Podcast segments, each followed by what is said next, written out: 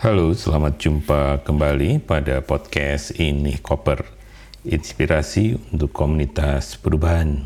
Saya Dani Wahyu Menggoro dari Inspirasi Tanpa Batas atau Inspirit.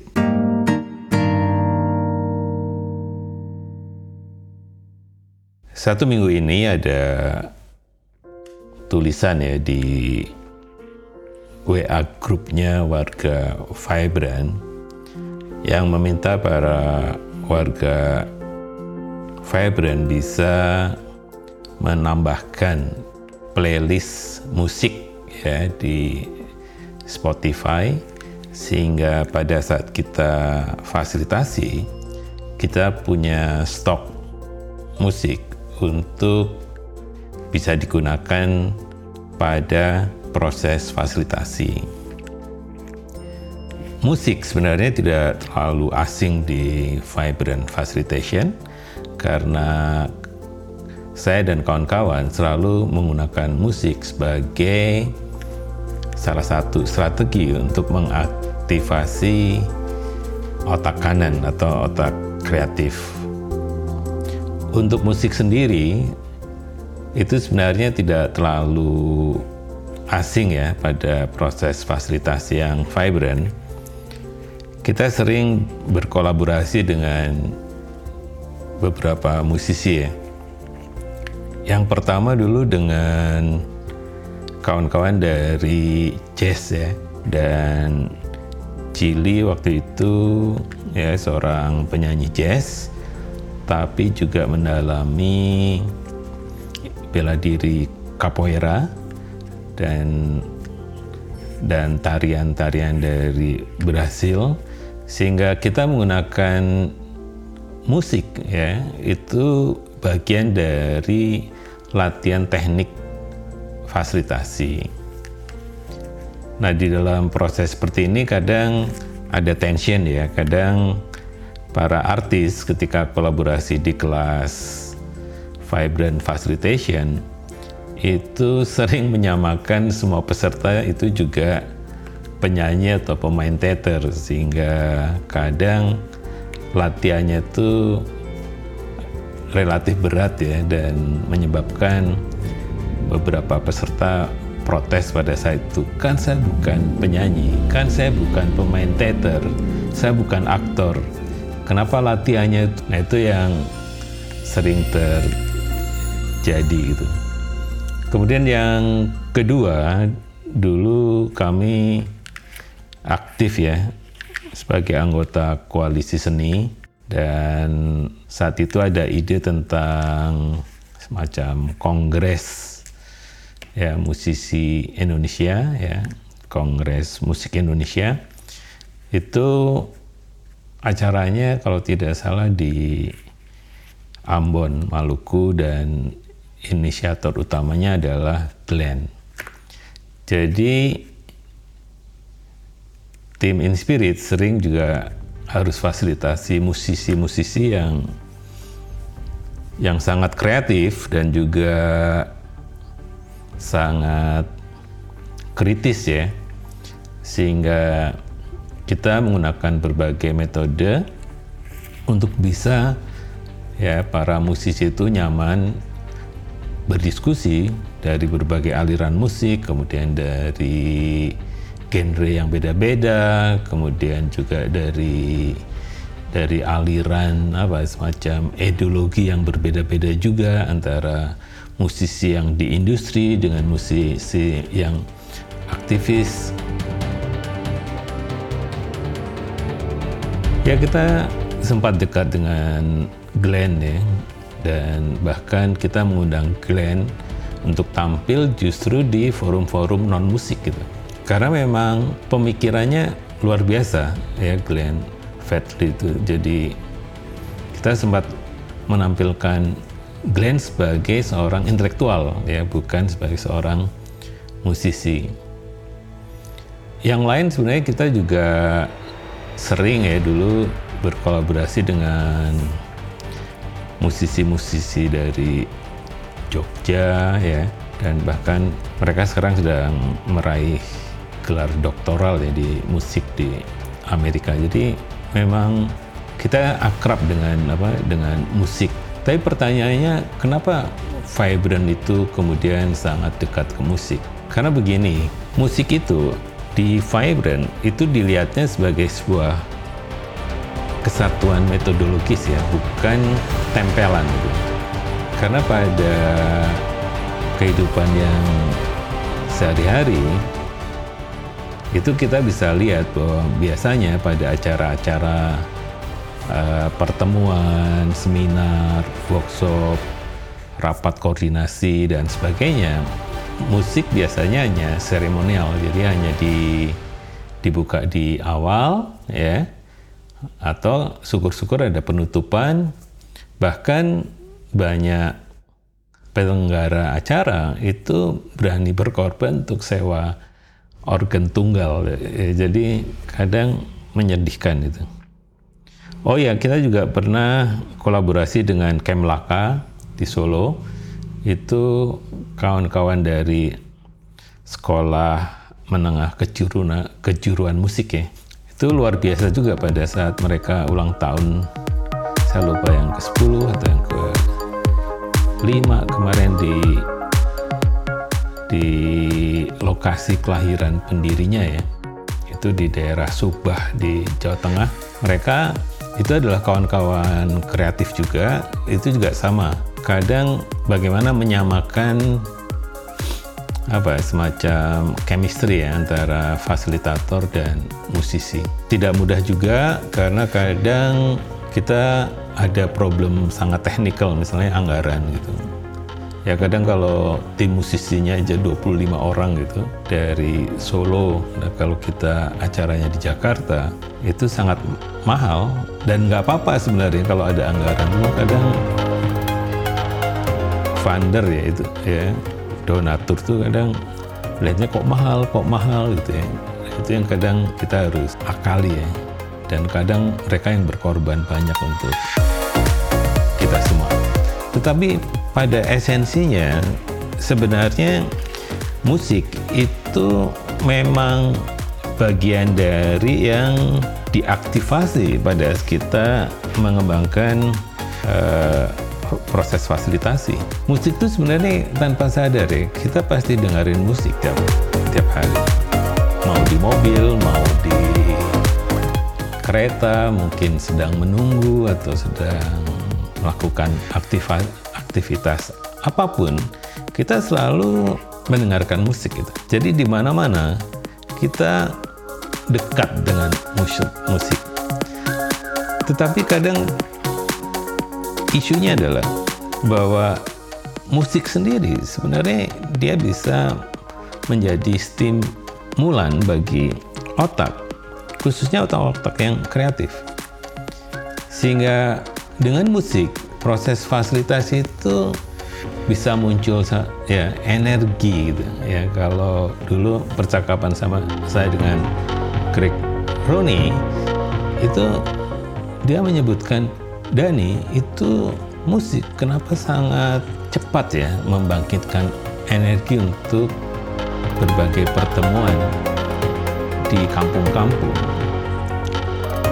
di Indonesia dulunya Greg selalu bahwa pertemuan-pertemuan tuh ya tadi serius dan dan juga ada perdebatan dan sebagainya. Tapi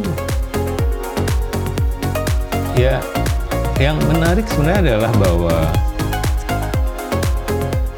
bahwa musik itu sangat menarik perhatian saya itu ya. Musik sendiri sebenarnya adalah ya tidak semua suara itu sebenarnya bisa ditangkap oleh indera pendengaran kita ya. Indera pendengaran kita itu kan yang bisa kita dengar itu suara dari frekuensi 20 Hz sampai 20.000 Hz. Itu suara-suara yang kita bisa dengar. Jadi kalau kita bisa dengar apa suara bakso lewat atau suara mobil lewat atau suara kapal terbang yang lewat di atas rumah kita atau suara tukang sayur atau suara apa bising mungkin dari kejauhan ya di jalan raya itu kalau suaranya antara 20 Hz sampai 20.000 Hz, pasti kita bisa dengar. Tapi kalau ada suara di bawah itu, atau di atas 20.000, kita tidak akan bisa dengar. Jadi yang ingin saya sampaikan sebenarnya adalah ada suara-suara yang memang tidak bisa kita dengar. Dan ada suara-suara yang tadi yang range-nya ya antara 20 ya, 20 Hz sampai 20.000 Hz. Itu range suara yang kita bisa dengar. Jadi kenapa sebenarnya di dalam proses fasilitasi ada noise gitu. Tidak semua orang uh, ya jadi ada nah suara itu ada noise itu. Nah musik itu bagaimana bisa membantu kita sebenarnya menfokuskan suara itu gitu. Nah, musik sendiri sebenarnya adalah bagian dari setiap kebudayaan ya di seluruh dunia. Dia sifatnya universal. Jadi biasanya kalau kita mengaku anggota sebuah masyarakat adat atau masyarakat lokal selalu tanya musiknya apa. Ada nggak musiknya? Jadi mau tidak mau saya dulu kalau diundang ke pertemuan-pertemuan ke luar negeri, saya pasti harus siapkan satu dua lagu.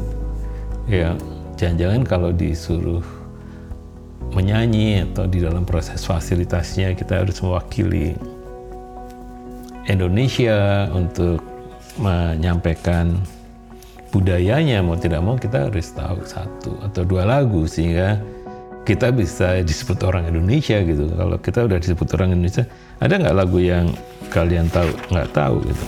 kita orang mana kalau begitu? Pertanyaannya adalah mengapa musik itu menjadi penting? Satu karena memang kita aware ya bahwa musik itu adalah mengaktifasi otak kanan gitu. Nah otak kanan itu kita ketahui sebagai otak kreatif kan. Nah otak kreatif itu itu kita tadi musik bisa mengaktifasi itu. Nah, ketika kita mendengarkan musik tanpa sadar itu sebenarnya adalah kita mengaktifasi emosi, sensor, sensor kita juga aktif semua. Ya, kemudian juga motorik kita tanpa sadar kita diaktifasi juga kalau musiknya upbeat gitu ya. Kita juga tubuh bergerak-gerak gitu. Sehingga sebenarnya dengan musik itu kita diaktifasi uh, keseluruhan keseluruhan panca indera kita gitu untuk untuk aktif gitu. Nah karena itulah sebenarnya musik itu menyentuh hal-hal yang paling dalam di di setiap orang ya. Jadi ada yang sifatnya itu kalau kita putarkan lagu yang mellow gitu ya, ada beberapa lagu yang ya bisa keluar air mata bisa kemudian kita teringat sesuatu. Apalagi kalau kita pernah menonton sebuah film yang yang drama gitu, yang kemudian ada musiknya. Kadang kalau kita ingat peristiwa di film itu, kita juga bisa tertarik, apa semacam tersentuh lah. Karena itulah musik kenapa digunakan di dalam proses fasilitasi karena musik sebenarnya mengaktifasi jutaan sel-sel otak manusia gitu. Mau kiri mau kanan gitu. Itu di diserbu gitu dengan musik sehingga tanpa sadar tuh ya kita gembira, kita kemudian mungkin terenyuh, tergerak dan dan sebagainya gitu.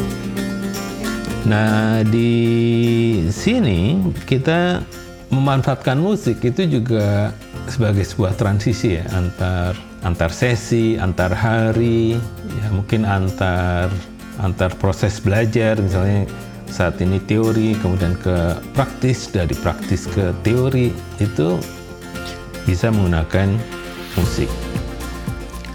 Nah, bagaimana sebenarnya menggunakan musik untuk proses fasilitasi? Itu sekurang-kurangnya ada tiga ya. Yang pertama, musik bisa membantu proses Ya, jadi yang pertama adalah kalau kita ingin mengajak peserta itu berkolaborasi.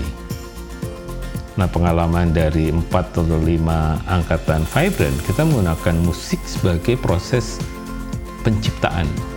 Bukan sekedar mendengarkan, bukan sekedar me, mematut-matutkan irama, tetapi justru didorong untuk proses penciptaan. Nah, pada proses penciptaan itu, tanpa sadar sebenarnya adalah yang terjadi proses kolaborasi. Bagaimana semua orang di dalam kelompok itu berkontribusi untuk bisa mewujudkan musik kubahannya kelompok. Dulu selalu ada keraguan tidak mungkin, tidak mungkin hanya dalam 30 menit itu tidak mungkin menciptakan sebuah musik atau sebuah lagu. Tapi dari pengalaman lima angkatan dan juga di beberapa event, itu proses itu bisa sangat sangat cepat. Mengapa itu terjadi? Yang pertama adalah bahwa di dalam proses berkolaborasi itu memang yang harus diaktifasi otak kanannya. Karena otak kanan itu tanpa sadar tadi mengaktifasi semua untuk apa? Semuanya agar semuanya terkoneksi, tapi pada sisi lain juga me, apa, melakukan yang namanya deaktivasi hal-hal yang sifatnya selfish. Musik bisa seperti itu.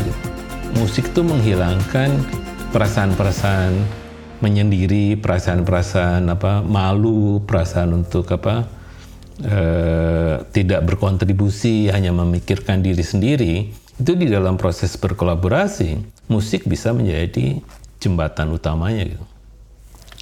Nah yang kedua, musik bisa digunakan untuk proses refleksi. Jadi setelah melakukan sesuatu atau berdiskusi sesuatu, tahapan berikutnya musik itu harus melakukan yang namanya tahapan refleksi. Nah, refleksi biasanya membutuhkan musik-musik yang tempo temponya tuh apa ya? down tempo ya. Tempo-tempo yang melo gitu ya sehingga energi yang berlebihan itu bisa dikalibrasi supaya agak turun ya. Kemudian memikirkan hal-hal yang sifatnya lebih apa lebih spiritual ya, lebih ke perasaan-perasaan yang lebih dalam gitu. Jadi biasanya memang menggunakan musik-musik yang ya lebih seperti musik untuk membaca puisi ya yang yang apa yang umum gitu jadi bisa menggunakan musik-musik yang temponya lamban ya minor gitu sehingga refleksinya bisa diajak lebih dalam. Nah yang ketiga musik sebenarnya adalah bisa digunakan untuk melakukan yang namanya energi sprint. Jadi kadang kita butuhkan macam boosting gitu, energi boosting gitu untuk bisa membuat peserta itu happy gitu. Peserta itu energinya meluap-luap. Nah itu kita bisa gunakan musik juga.